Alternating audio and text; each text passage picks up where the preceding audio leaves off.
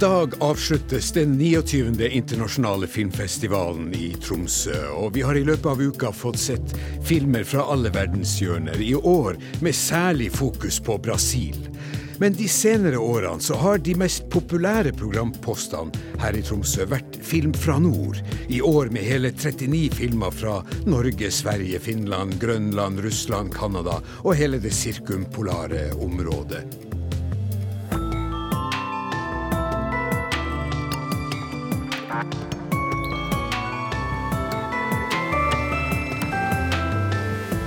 En av regissørene i Film fra nord er deg, Gøril Mauseth. Vi kjenner deg jo som skuespiller, men i år debuterer du som regissør med kortfilmen 'Kjærlighet er'. Og velkommen, Gøril Mauseth. Takk skal du ha. Du, eh, før vi snakker mer om eh, filmen din, skal vi høre bitte lite grann på eh, lyden eh, her. Jeg har hatt et godt liv med min tidligere kone, som døde for to år siden. Mens så Janne også har opplevd akkurat det samme og ble enke. Og så møttes vi på nettet. Og da stemte alt. Gøril Mauseth, din film heter 'Kjærlighet er prikk, prikk, prikk'. Kan du fortelle oss eh, først litt om tittelen? Det er faktisk eh, sluttmonologen, de tre eh, Altså de tre siste ordene Anna Karenina sier. Det var de tre siste ordene som Tolstoy gav henne.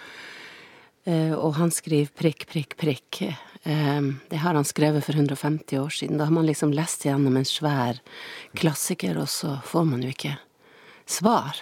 Nei. Og jeg har jo spilt den forestillinga i Norge og i Russland nå over Jeg har vel sagt den over tusen ganger. Og Du har spilt Anna Karene, bare for å gjøre det klart for folk. At, ja, jeg har spilt det både i Norge og i Russland, og ennå så står jeg på repertoaret der. Men den eh, Jeg prøver jo å besvare det som, som skuespill. Som Anna Karena så prøver jeg jo å besvare det, men det har vært veldig interessant når jeg reiste rundt med Karina Hanai, som var en dokumentarfilm Tomas og Mottora, mannen min, eh, lagde. Hadde premiere på TIFF i 2017. Når den begynte å reise rundt etter TIFF gjennom hele Norge, vi var i 53 byer, så ville folk de ville ikke gå, de ville klemme, og de ville snakke om sine liv. Det heter jo Karenna and I. Det var mange som trodde det handla om Karenna og Gøril Mauseth, men det jeget på slutten, altså det I, det handler jo faktisk om publikum. Om, om alle de andre. Om, og at speilet ble snudd mot publikum, at de begynte å reflektere over sine egne liv. Ja. Og bare, bare for å ta det kort, altså den dokumentarfilmen 'Karenina og jeg', det er altså en dokumentar der du reiser gjennom eh, Russland for å så spille Karenina i Vladivostok. Ja. Og når du da reiste til alle de byene i Norge og viste Karenina, eh, Karenina og, og jeg, da gjorde du noe spesielt som har blitt til denne kortfilmen her.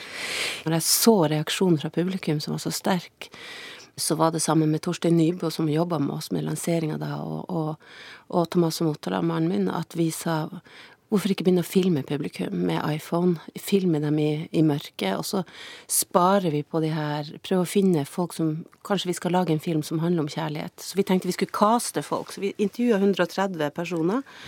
Eh, Og når vi da sendte inn til Nordnorsk Filmsenter, som hadde gitt oss utviklingsstøtte, så sa Nordnorsk Filmsenter det her er jo så bra materiale, kan dere ikke bare lage en film av de her personene? Bare lage det, bruke råmaterialet, fordi det, dere kommer aldri til å få så gode svar. Hvis dere skal reise tilbake og spørre dem om de samme spørsmålene i en setting hvor de er i sin by, i sin fjord, i sin, hva skal jeg si, si oppå vidda, eller hvor de nå er. Ja, så du tok altså Du tok eh, Tolstoy videre. 'Kjærlighet er prikk, prikk, prikk', og så spurte du publikum ettersom den kom ut av salen, hva er kjærlighet for deg? Er det, Ja, jeg spurte etter at filmen var ferdig, så vi hadde sånn spørsmål og svar fra salen, og så spurte jeg helt på slutt om det var noen som ville snakke med meg etterpå. Jeg hadde tre spørsmål, og så var det alltid det. Etter man hadde fått klemt og sånne ting. Så sto de i kø utafor, og så kom de inn én og én, og så filma de og dem i kinemørket. Så de var ennå i, i kjærlighetsmodus, ja. eller sorgmodus, eller hva de nå var i. Men de var fylt av samme film, og så fikk de spørsmålet hvorfor blir vi forelska? Hva kan vi lære av kjærlighet? Og hva er kjærlighet? Skal vi høre på ett til av svarene du fikk? Ja. Jeg må innrømme at jeg opplevde den så lite, for at jeg mista mannen min så tidlig. Så kjærlighet og smerte. Du fikk også denne reaksjonen at kjærlighet kan være sorg. Ja, det var Ja, det, det, det var mange sterke møter for meg også. Og når du har som utøvende kunstner og skuespiller Det sterke møtet jo når du møter ditt publikum. Og det er jo publikum som jeg lager teater og film for. Det er dem jeg, vil glede eller mm. berøre. Mm. Og når de da eh, berører deg tilbake med å, å, å betru seg til deg, så gjør det at jeg klarer å reise en fjord til, en fjellovergang til, åtte kolonner, kjøringer til, møte 400 mennesker, nye mennesker i en ny fjord eller en ny by. Det gjør at jeg klarer å gå på jobb hver dag med en ny entusiasme, energi og glede.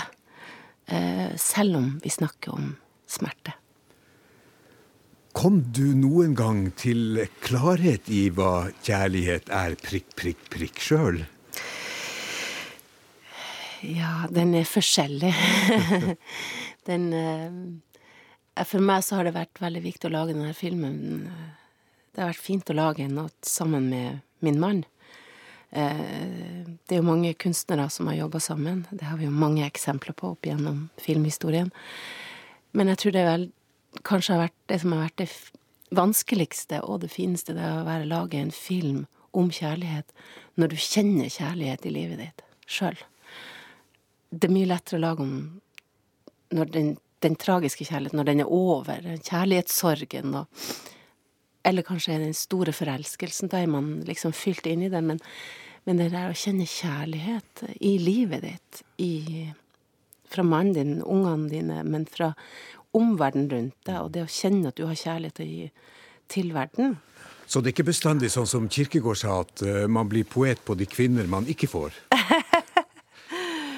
jeg tror man blir det også, absolutt. Men jeg syns at uh, vi, den syke kjærligheten er på en måte beskrevet så veldig mye mer enn enn den sunne kjærligheten. Ja, ja, den syke kjærligheten er mye mer til stede i vårt liv, og den triste og den Men altså Kjærlighet er jo faktisk eh, det å, å dele.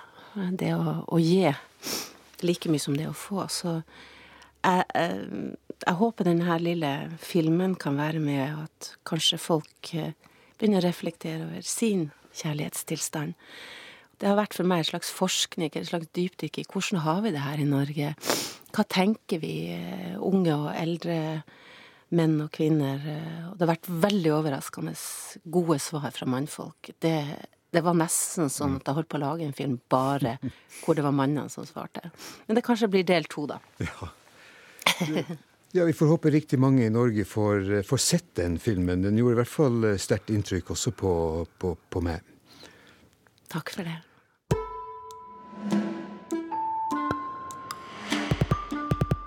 Vi har også med oss filmskaper Per Ivar Jensen. Velkommen til deg òg. Takk, takk. Du, eh, Per Ivar, du lagde i 2001 eh, en film som er blitt en kultfilm etter hvert. Eh, 'Hurra for mamma'. Og den har du lagt ut på YouTube, forstår jeg? Ja, den ligger der. Og, og, den kan alle, kan alle se. Og, men du har nå laga en oppfølger som fikk premiere på filmfestivalen i i Tromsø. Og den heter 'Ho mamma er død for H prikk, prikk, prikk'. Og alle, alle skjønner vel hva, hva det ordet er. Og begge filmene er jo burleske greier. Det drikkes og bannes, og det er veldig mye som skjer uten filter. Men under alt dette burleske her, så er det jo et alvorlig tema om identitet, eller mangel på identitet. Og Per Ivar Jensen, kan, du først ta oss med til det universet her, og, og fortelle litt om den første filmen, 'Hurra for mamma', og, og si litt hva den handler om? Ja, den, den, første filmen var et sånn eh, sånn spin-off-produkt av et sånt teaterstykke vi hadde med Totalteatret i den tida, som heter Siste kveld med mamma, som handla om identitet, og da sjøsamisk identitet. Og så var det en del i den filmen som jeg tenkte, i den, den forestillinga som jeg tenkte vi kunne bare ta ut, og, ut på location, og så kunne vi bare lage film av det, da. Og så, så gjorde vi det. Jeg husker vi spilte den inn den Når var det de her tvillingtårnene? Det var, i, var det 11.-12. september i 2001? var det? 11. september, ja. 11. september 2001. Det var første innspillingsdag. og, eh, og um, det var litt artig, for dagen etterpå så var det en jeg tror det var en fredag, så hadde vi Teatret hadde fått uh, vi hadde fått en hel side i Dagbladet om forestillinga vår. Så liksom, det er jo ja. ganske stort å få en hel side i Dagbladet. Og det var ingen som hadde Ingen hadde lagt merke til at vi hadde vært der. For at det over hele sida, forsida, så var det liksom 'Verden brenner', ikke sant? Ikke sant? Ingen så på Totalteatret, så det var en jævla dårlig timing. Sånn, fall, sånn, kan det være. Men, ja. men, men det, dette her eh, foregår jo i, i, eh, sånn mer eller mindre rundt Kåfjord, og det er jo der Riddu Riddu har sitt hovedsete. Sånn at det er jo en problematikk fra Nord-Troms om samisk identitet, ikke sant? Ja, og det handler jo om det, det, både det forrige filmen og den her, det handler jo da om en familie med tre brødre hvor han ene da finner ut at de er samisk. Mm. Og det er jo ikke de andre brødrene enig i det hele tatt. Så um, da har man eh, konflikten da i, i de, begge de to filmene, egentlig. Så, og det er jo en problematikk som folk kjenner godt til, både i Nord-Troms og Finnmark. Og det er jo ikke, det er mer enn én en familie hvor, hvor noen er samisk og andre ikke, enn når man har samme foreldre. Så det er jo ganske interessant, syns jeg, da. Ja, og det er jo et fenomen vi, eh, vi, vi lever med ennå. Ja, helt klart. Jeg husker når vi hadde det stykket i sin tid. Så skulle vi turnere, vi skulle prøve å komme oss på veien og turnere. Og da var, husker, da, da var ikke Finnmark var ikke interessert i å ha det stykket, for at de hadde ikke sånn problematikk der oppe. og så gikk det vel ti år, og så ringte de fra Finnmark og spurte om ikke vi kunne få opp det der stykket, for de hadde fått masse unger som maste om sånn identitet og samisk og hva de var, bla, bla, bla. Så de skulle betale hva det måtte være hvis vi bare kunne komme. Så ja, det, det er ting på gang i Finnmark òg. Ja. Skal vi høre litt fra filmen? Ja, gjør det. Fra jord er du kommet. Til jord skal du bli. Fra jorda skal du igjen oppstå. E atnamis E atnamin kalkat galgat E atnamis galgat fas pajas tjutsilit. Så får du presten til å prate samisk uten å si noe til oss! Hva gjør det for noe?! Dere, slutt, da! Dere kan ikke slåss! slutte! du gjør Stopp! Slutt! Dere, slutt! Slutt, Stopp! Forbanna tulling! Dere kan ikke slåss på kirkegården! jeg, jeg, jeg, får ikke til å stille spørsmål, jeg må bare flire her. Men det vi hørte her, eh, hva, hva, hva var det, Per Ivar? Nei, det er, da, det er, da, to brødre som begynner å slåss på kirkegården. For at uh, han ene, han som mener han mener er samisk, han har da fått presten til å lese samisk også når mora deres blir begravd. Og så har han ikke fortalt det til de andre, og så blir han så forbanna av innkaren at han, eh, han renner på, og så begynner han å slåss på kirkegården. Så det er jo Ja, det syns jeg er litt artig. Det, det er noe moro med å slåss på kirkegården. Ja da, det er humor så det holder. Nei, det er klart man lager jo man lager film med mye Det er mye støy, det er mye, som du sier, drikking og bannskap, og det er sex og alt mulig rart, men, men så så prøver man under det her, og, og hvis man klarer å se i mellom lagene, at det handler om noe annet også. Det er ikke bare, det er ikke bare tull og vas, liksom. Um, jeg har, jeg har, tenkt Jeg liker å jobbe med humor, da, så hvis man klarer på en måte å servere servere drama og humor, og samtidig ha et lag under som, som man vil fortelle, istedenfor å gå rett ut og fortelle det direkte, liksom. En, jeg syns det blir litt mer kjedelig, da. så... Altså Filmen kan fungere da som en film uten at man kjenner til den samiske eh, saken som ligger under, da. Per Christian Olsen spør hva skjer? i NRK P2. Dagens program handler om filmfestivalen i Tromsø. I studio filmskaperne Per Ivar Jensen, Fredrik Mortensen og skuespiller Gøril Mauseth, som i år debuterer som regissør med kortfilmen 'Kjærlighet er'. De skal fortsatt snakke om identitet, og hør på dette her.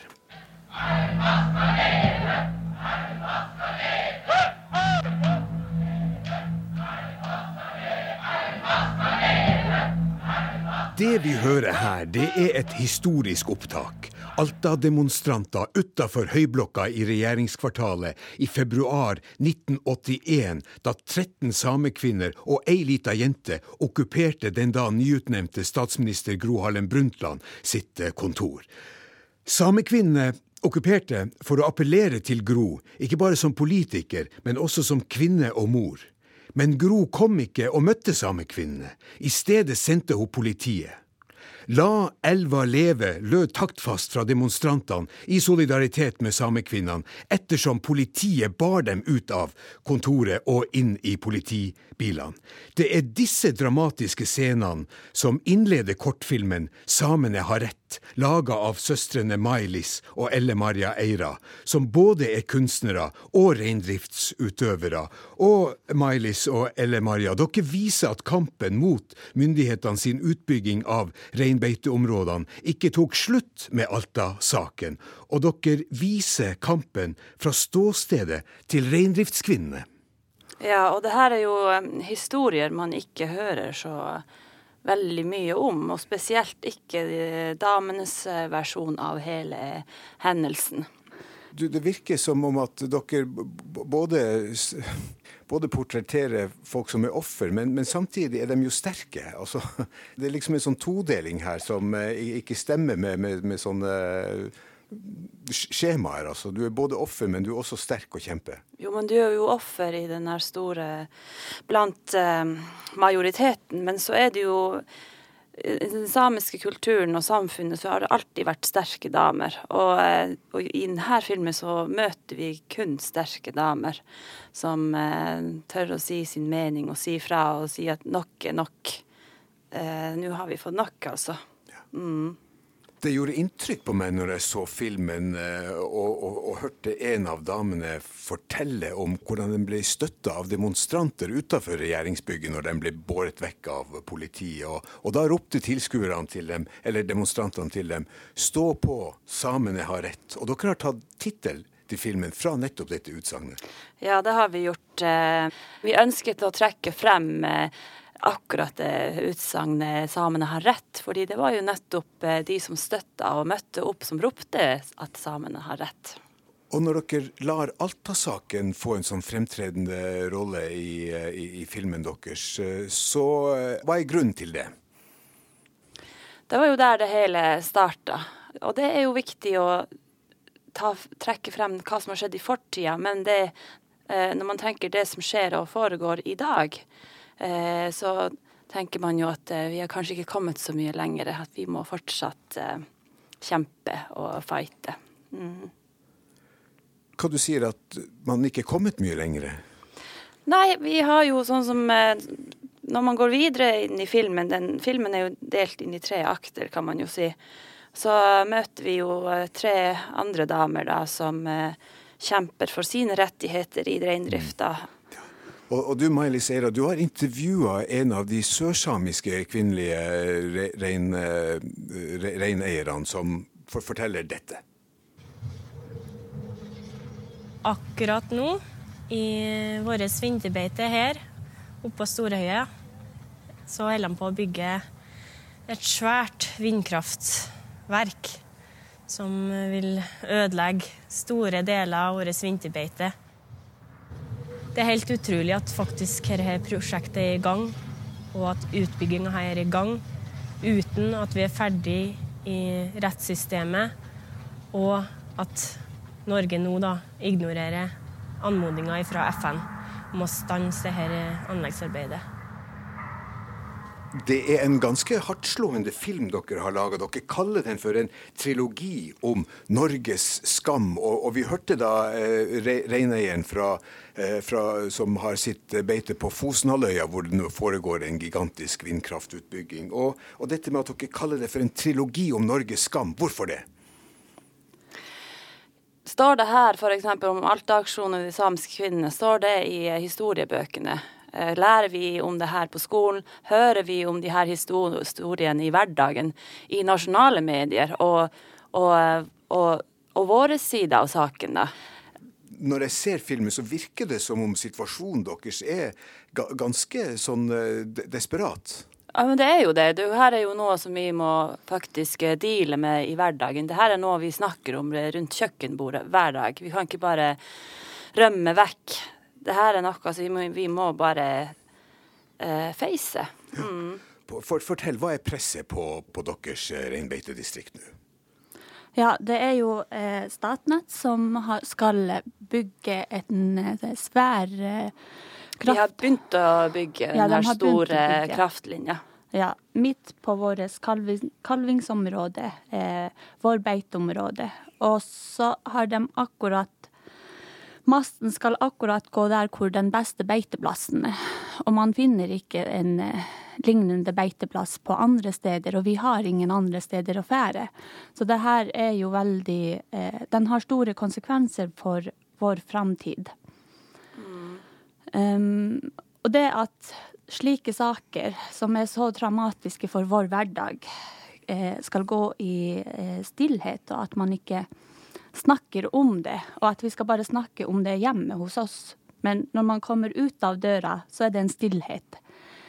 Og jeg syns det er veldig viktig at, at, man også lager et rom for diskusjon for det, om det, og at, eh, og at det kommer frem i lyset hva, hva er det som skjer. Det er jo også snakk om vår fremtid, da. og og for våre barn også at uh, hvis vi skal mm. overleve i reindriftsnæringa, så er vi avhengige av de beiteområdene. For vi har faktisk ingen andre steder å gå. Vi kan ikke bare finne et, en ny plass.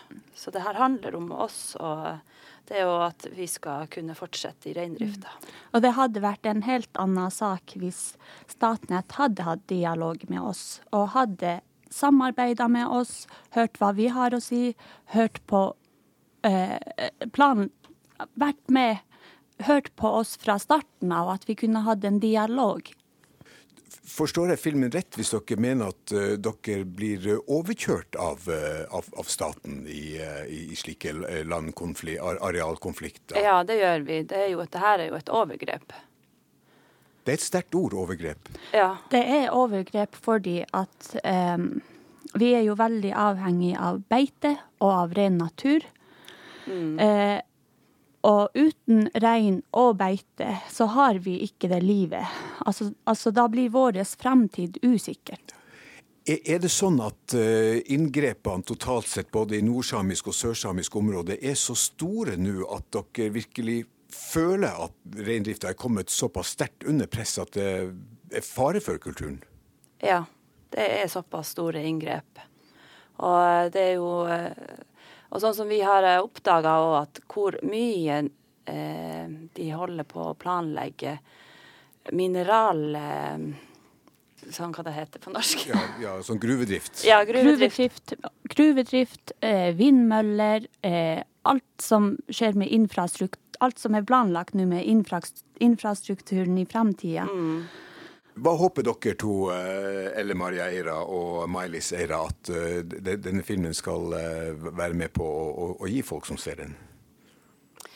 Jeg håper nå i hvert fall at uh, vi skal klare å vekke følelser hos folk, men også det her er en wake-up call.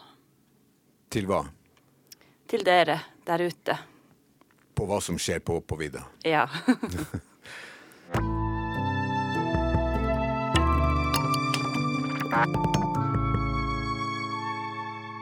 Ja, det var May-Lis og Elle Maria Eira i intervjuet vi hadde gjort på forhånd, og Gøril Mauseth og Per Ivar eh, Jensen. Eh, de snakker her om eh, identitet og om, om, om de viktige tingene i livet, eksistens. På, på, på, hver deres måte handler jo også deres filmer om, om disse spørsmålene. Kjente dere dere igjen i, i noen av de, de beskrivelsene vi fikk her? Er det noen paralleller her? Det er jo jeg, jeg, bor jo midt oppi det. Jeg har jo 17 vindmøller oppå fjellene eh, som går utover mot Finnkirka. Um, ja, for du bor i Kjøllefjord i ja, Finnmark? Ja, uh, jeg kjører jo gjennom Jeg må jo kjøre gjennom hele Norge for å komme meg til hovedstaden, og jeg ser jo veldig mye rart. Vi er nødt til å følge med. Det er Jeg syns at det, det er bra at vi både reise og utdanne oss og kommer tilbake med en kunnskap som gjør at, det, at vi kanskje kan være i stand til å forvalte tingene våre på en bedre måte. Eh, fordi jeg tror våre forfedre hatt det så tidskrevende med å være på havet og være på fjellet at de ikke de har på en måte vært avstengt fra å ha muligheten til å kunne dele sin kunnskap med oss der ute, som de snakker om. Eh, så jeg tror nok at den kunnskapen fins i våre folk, og den må bli overført til eh, de nye generasjonene, sånn at vi også kan kommunisere den ut, og viktigheten av den, til de som sitter og bestemmer og planlegger til 2060 og 70 og og så videre. Jeg har vært på så mange konferanser nå som handler om havet, om, vår, om, om vind, eh, våre hav og våre fjorder og elver og vidda våre og all den energi og kraft som vi har. Men vi, ja, vi er nødt til å våkne opp, og så er vi nødt til å ikke bare protestere, vi er nødt til å gå i dialog, og så må vi gi dem av den kunnskapen vi har. Jeg lærte blant annet at bare den lyden som kommer fra de mastene, at den har en virkning inn på øyet til reinen, eh, som gjør at den blir fryktelig eh, redd. De har en hørsel og et øye som ser og hører helt annerledes enn det vi gjør. Men eh, ja, vi kan lytte til dyra, vi kan lytte til naturen, til havet, til fisken. Eh, vi har noe av det beste som fins i hele verden. Vi har frisk luft. Vi har fortsatt Så fins det òg noen rene fjorder igjen. Hvis vi ikke forsøpler dem med altfor mye antibiotika. Så jeg tror at for oss, i hvert fall for meg som har flytta tilbake, eh, så er det her en del av min hverdag. Vi bygger samfunn. Vi lager film, vi lager teater, vi forteller historier. Men jeg føler hver dag jeg står opp, at jeg bygger samfunn. Jeg går ut og lærer unger om teater, pensjonister om teater. Jeg spiller forestillinger, jeg lager film, jeg skriver.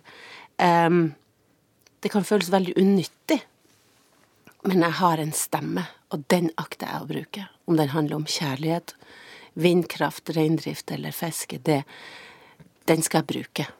Helt ned til Oslo og ut i verden. En tradisjon eh, på Tromsø internasjonale filmfestival er at eh, det år etter år settes nye publikumsrekorder. og vi lurte på hva er det som trekker publikum til kinosalen, for å se alt fra japansk dvelende drama til kasakhstansk spenningsfilm og, og, og, og nordnorske filmer. Og kollega Marit Garfjell ville finne ut av det.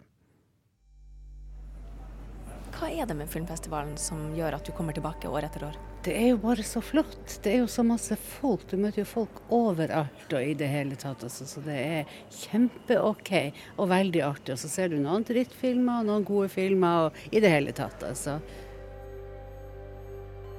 Det er midt på vinter, midt på mørketid fortsatt her i Tromsø. Og det er så uh, fin stemning i byen da. Og selvfølgelig de filmene. Men jeg liker det at man kan gå i flere filmer og kanskje ta en kaffe imellom. Og... Det er noe som skjer, og så, du, ja, så må du prøve å få med det, for det blir jo prat om det. Hvis du har, no, har hatt en opplevelse som du kan fortelle om til de andre kollegene, så er jo det veldig fint, det.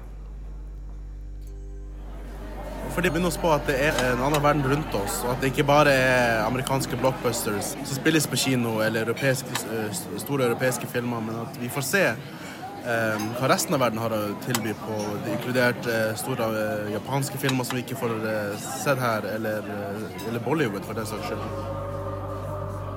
Ja, lokasjonen er veldig spesielt. I Tromsø er det veldig spesielt å være her med natur og nordlys og alt. Så det må være sånn halvparten av, uh, av uh, hvorfor det er så, uh, så, så awesome. Og um, jeg tror også kombinasjonen av internasjonale og norske filmer er, er, er veldig kult. Ja. Her har man en sjanse til å være med på noe litt annerledes, og litt ut av det som er normalen. Og så er det jo, det er gøy å liksom gå ut av komfortsonen, eller sofasonen. Så å filme er jo artigere på kino. Det er jo det. Og da sier vi velkommen til eh, Fredrik Mortensen. Eh, du slo igjennom med, en film, eh, en dokumentarfilm om en mann som alle i Tromsø kjenner som under navnet Per Parker. En dokumentarfilm.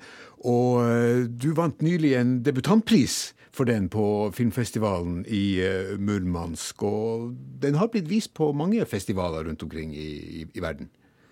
Det stemmer det. Vi har vært vist på mange festivaler, og den skal fortsette med festivalrunden sin i 2019. De Din nye film i år er ikke en dokumentar, men en fiksjonsfilm. 'En fremmed kommer hjem'. og Skal vi kanskje høre litt fra, fra den? Hvem, hvem er du? Jeg er bestemor di. Kjenner du meg ikke igjen?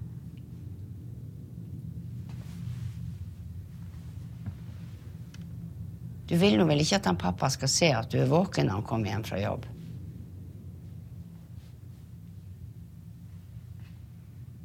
Um, du um, vet du hvordan pappa har penger og kredittkort og sånne ting? Har ikke du lært å svare når voksne snakker til deg? Jeg har lært meg å ikke snakke til fremmede. Jeg er jo ikke fremmed, jeg er jo bestemora di. Ja, Fredrik Mortensen, vi skjønner her at uh, dette, her ikke, dette, her er ikke, fra en helt vanlig familie. Du tematiserer mørke sider ved familielivet. Ja, uh, mørke sider som uh, utenforskap og fremmedgjøring og sosial arv, og hvordan det kan, kan manifestere seg fra generasjon mm. til generasjon. Ja. Hva som gjorde at du hadde lyst til å lage den filmen her? Eh, jeg hadde lyst til å lage en julefilm. en bisarr julefilm. Vi hører den bestemora som eh, bryter seg inn i eh, huset til sitt barnebarn, mens faren og da også hennes sønn er, er, er borte. Og si, si litt mer om dette familieforholdet her. Det er jo en, en familie som består av en eh, liten gutt og faren hans. Eh, han er skilt fra, eh, fra mora si. Og eh, på utsida så ser det ut som at alt sammen er bra. At alt er funksjonelt og fint, og de er eh, ressurssterke og bor i et fint hus. Men så eh, natt til julaften så kommer det da en innbruddstyv som han gutten oppdager da, og denne innbruddstyven utgir seg da for å være bestemora hans. Vi skal ikke røpe mer, man kan få lov å, å, å, å, se den og, og bli liksom fanga litt i, i uhygga her. Men, eh, men eh, vi, vi, får håpe, vi, får håpe, det ender godt. Ja, det håper jeg òg. Du er av de yngre filmskaperne som, som kommer opp i, i, i, Tromsø. Og hva har filmfestivalen i, i Tromsø betydd for, for, for, dere litt yngre filmskapere? Eh, for meg, jeg har jo vokst opp med, med TIFF. Jeg tror jeg begynte å gå på TIFF når jeg var 14-15 år. Og begynte å eh, se meg litt lei av det, det tilbudet som var på, på de forskjellige videosjappene rundt omkring eh, i, i, Tromsø. Så de hadde et, et annet tilbud enn en, en, en dem, som var mer spennende. Man var mett på de mer eh, kommersielle tingene. Så eh, så det var jo en slags reise for å utvikle sitt eget repertoar og sin egen eh, smak. Og så er det jo en slags kulturell eh, dannelsesreise også, som mm. man eh, mm. går gjennom når mm. man eh, oppsøker TIFF og lignende festivaler gang på gang. Er, er det vanskelig å få komme ut med sine kortfilmer? Ja, kortfilmer har jo ikke så veldig gode visningspremiss som eh, langfilmer. Så det er jo eh, primært sett filmfestivaler som er plattformen for, eh, for kortfilm. Per Christian Olsen spør hva skjer i NRK P2? Dagens program handler om filmfestivalen i Tromsø. I studio filmskaperne Per Ivar Jensen, Fredrik Mortensen og skuespiller Gøril Mauseth, som i år debuterer som regissør med kortfilmen 'Kjærlighet er'.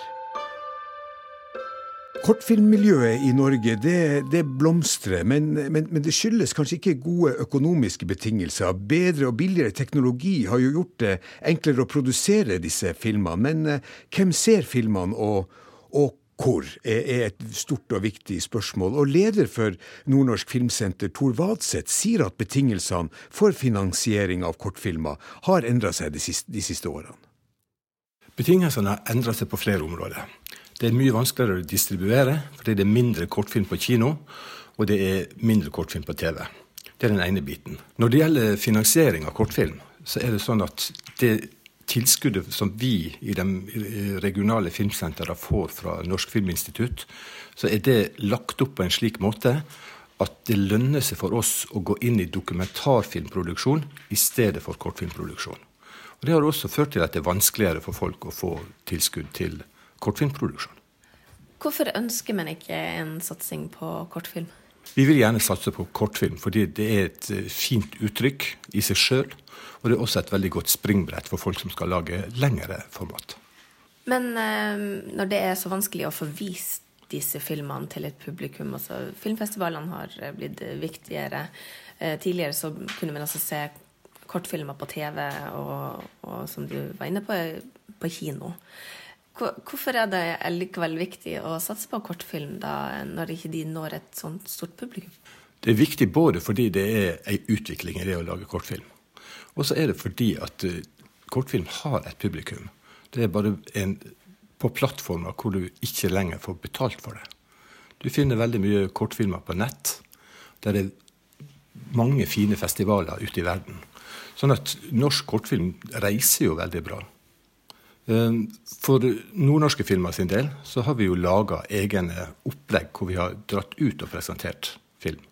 Det siste vi gjorde, var på en stor filmfestival i England i høst. Hvor vi fikk veldig bra respons på det nordnorske kortfilmprogrammet som ble presentert der. Hvilke tilbakemeldinger var det dere fikk?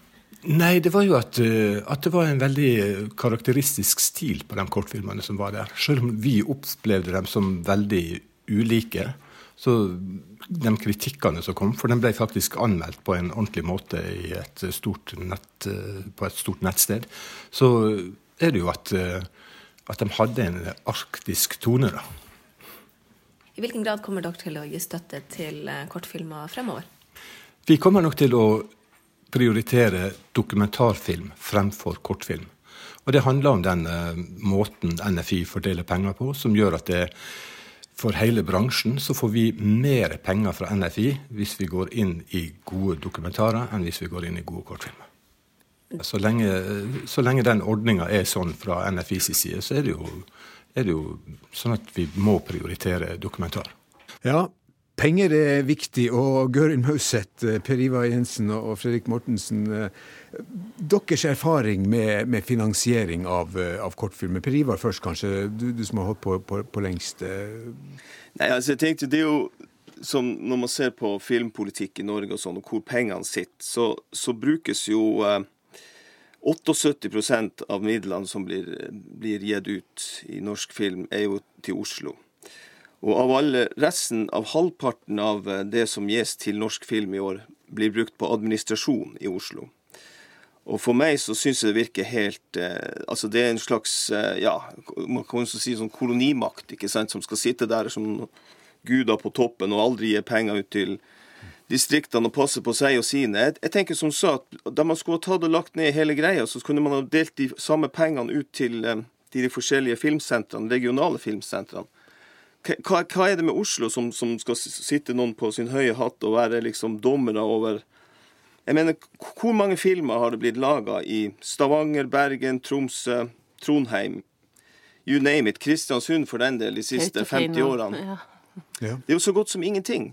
Og liksom så kan man jo si hva man vil om at ja, da dinten og datt er bedre, men altså 78% av alle pengene går til Oslo. Det, samtidig som man sitter og, og administrerer for over halvparten av filmpengene. For meg så, så virker det helt absurd, rett og slett. Det, det er bare jævla irriterende.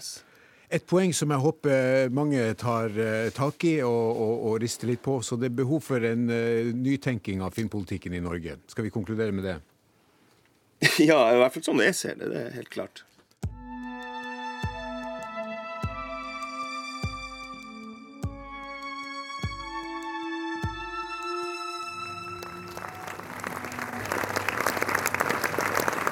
Ja, under filmfestivalen i Tromsø så applauderes det når publikum er fornøyd med en film.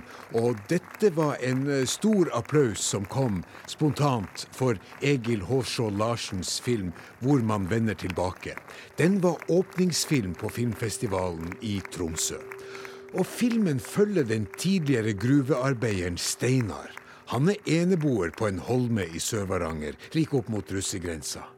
Under hele filmen er kameraet tett på Steinar og på hunden hans Tussi, og naturen. Ut fra vanlige handlingskriterier skjer det nesten ingenting i filmen. Steinar han fisker og jakter. Likevel er det et fortetta drama som Egil Hårså Larsen har fanga i sort-hvitt. Og jeg traff regissøren da, like etter at premierevisninga var over, og spurte hvorfor sort-hvitt. Jeg var veldig inspirert som ung uh, stillsfotograf. Det er der jeg har utdanningen min fra, av Kåre Kivijärvi bl.a. Uh, og jeg føler at uh, veldig mye av den arven som han la igjen om hvordan vi ser på Nord-Norge og folkene som bor her og vår kulturarv, er en veldig viktig del av våre minner av hvordan det kanskje en gang var, og også hvordan det fortsatt er. Da. Så jeg håper at denne filmen på en eller annen måte i all humbleness skal føye seg inn i rekken om hvordan vi kanskje kan tenke om hvordan det i hvert fall var her uh, i 2018 til og med. I hans tilfelle i hvert fall. Du, altså Jeg satt og tenkte Kåre Kivijärvi mange, mange ganger under her. altså Kåre Kivijärvi inspirert. altså Du har vært uh, du, du, har jo kameravinkler som faktisk minner mye om uh, Kivijärvi. Ja, det var jo et veldig hyggelig kompliment, da. Men det har vært Jeg syns det alltid er interessant å jobbe i svart-hvitt, fordi det også får seeren til å tenke på en litt annen måte. Man, man, man minimaliserer uttrykket litt, og så blir man interessert i overflatene og man blir interessert i kontrastene istedenfor å kanskje se det røde i blodet og det grønne i skogen. Så ser man heller på overflater. Men det ja, fokuserer litt annerledes, kanskje. Og dermed får du jo naturen til å, å fremstå uh, i, i en kontrast. Av og til blir den litt brutal. Jeg mener både vi mennesker og naturen eh, er brutal. Og vi har vel ikke vært så flinke å legge skjul på det som mennesker i det hele tatt. Eh, og jeg tror ikke filmen heller legger skjul på at det er sånn. Eh, jeg har jo vokst opp med denne type kultur sjøl, og jeg vet jo at det er brutalt å skyte dyr, og det er brutalt å være menneske på toppen av næringskjeden. Det må jeg innrømme. Men ja, vi prøver verken å rettferdiggjøre det eller svartmale det i det hele tatt. Det, ja det er mange sider av det der.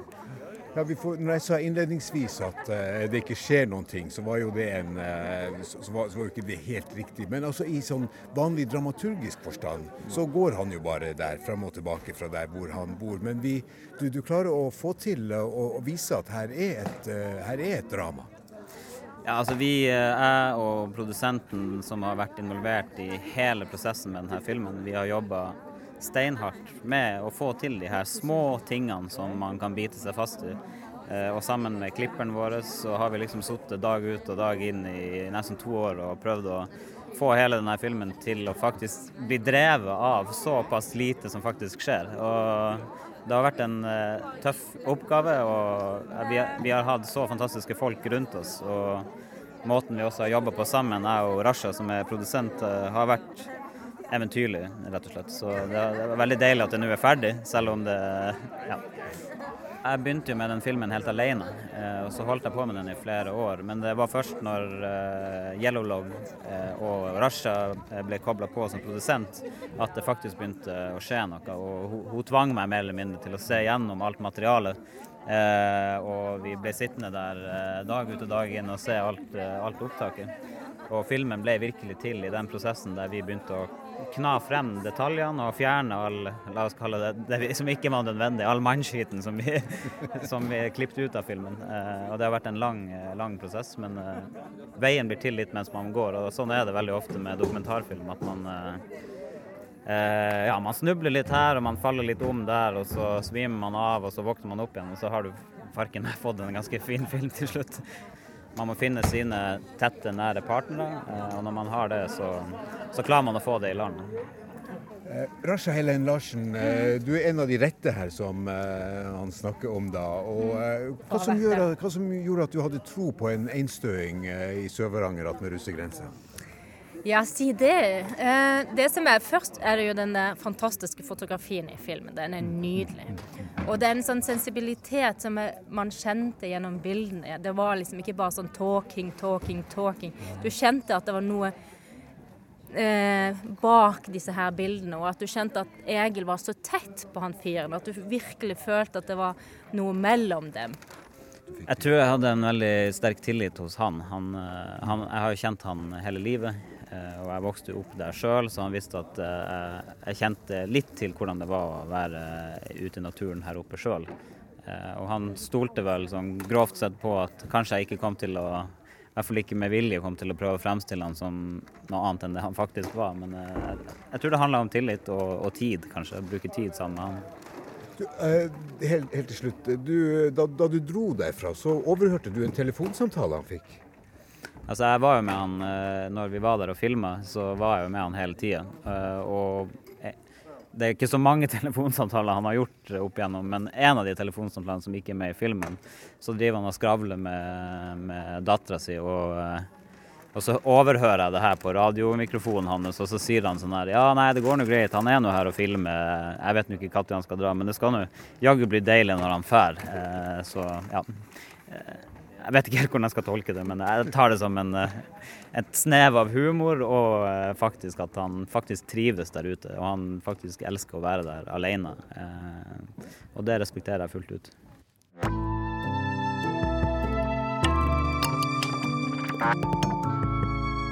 I dette programmet fra, med tema Filmfestivalen i Tromsø, så har uh, gjestene våre filma med i Film fra nord-programmet. Og det ble oppretta for 19 år siden. Og det å ha en egen kategori for filmer fra den nordligste regionen er svært viktig for Tromsø internasjonale filmfestival. Det sier festivalens leder, Marta Otte.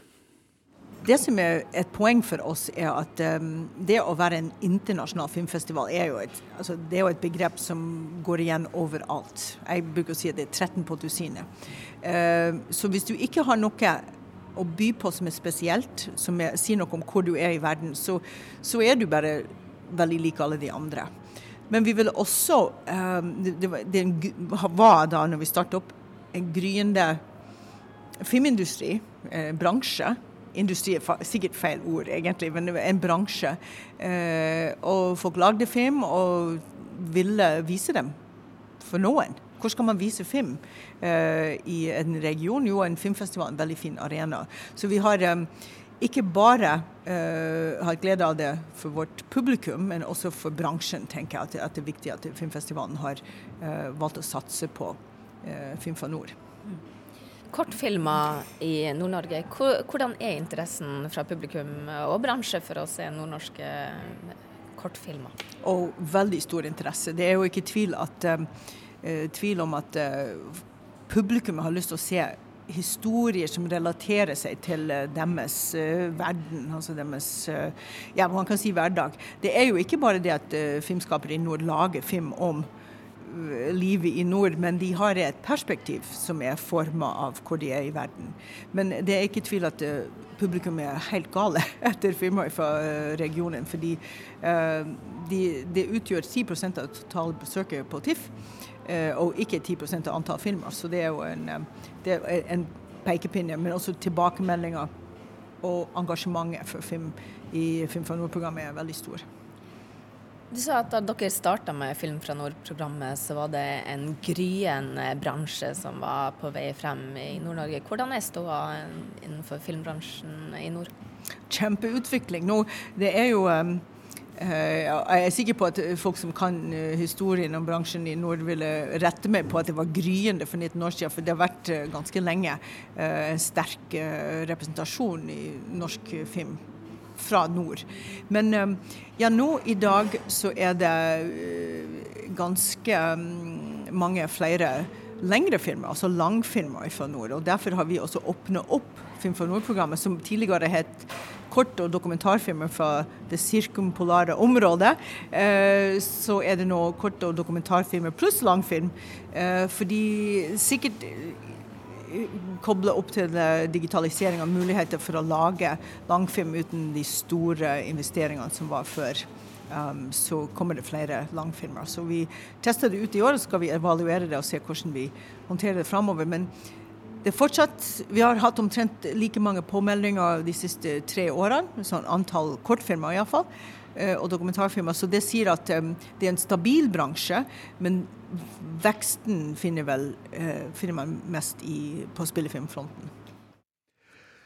Ja, det var festivalsjef Marta Otte. Og nå fremover så eh, skal vi si, Per Ivar Jensen, nå har du laga to filmer med samme tematikk. Blir det en trilogi? Kan vi vente oss en siste, tredje film? Ja, det skal vi ikke se bort ifra. Når man alltid kommet i gang og fått, uh, fått crewet på plass igjen, så er det ikke det umulig, det. Men jeg håper ikke vi trenger å vente så lenge da til neste gang. Du har også vært aktiv på filmfestivalen i Tromsø med et seminar hvor det gjelder å utvikle en samisk TV-serie. Ja, kan du fortelle litt om eh, hva, hva, slags, eh, hva, hva, dette er for noe, og hva slags input det er i miljøet? Ja, altså NRK og uh, Internasjonalt samisk filminstitutt har jo uh, sam samarbeida om å få opp en uh, samisk TV-serie. Så NRK har vel lyst til å, å lage en, si, en stor fin storsatsing med en samisk TV-serie. Og Så har de invitert en haug med folk til å komme i det, og så jeg er, er der med en idé som jeg har med en som heter Jens Martin Mjenna fra Kautokeino. Vi har et prosjekt om, om um, ja, hva skal jeg si, en uh, familiefeide innen uh, reindriftsnæringa. Um, som vi har skrevet på en stund, som vi skal håpe på at de kjøper og lar oss utvikle videre. Det blir eh, spennende å se. Eh, Gøril Mauseth, eh, har du noen nye filmer i, i ermet, eller skal du tilbake og være skuespiller? Jeg er jo nå blitt ikke bare director, men jeg er jo actress, og det blir vel directress herfra og ut. Men så jeg har både jeg og Tomas og våre selskap Orta Polare i Kjøllefjord, vi sitter nå og utvikle med støtte fra Film for Nord, Nordnorsk Filmsenter og Fond for lyd og bilde, så holder vi på med å utvikle en ny TV-serie um, om tid. Ja. The, the, Comedy of Time.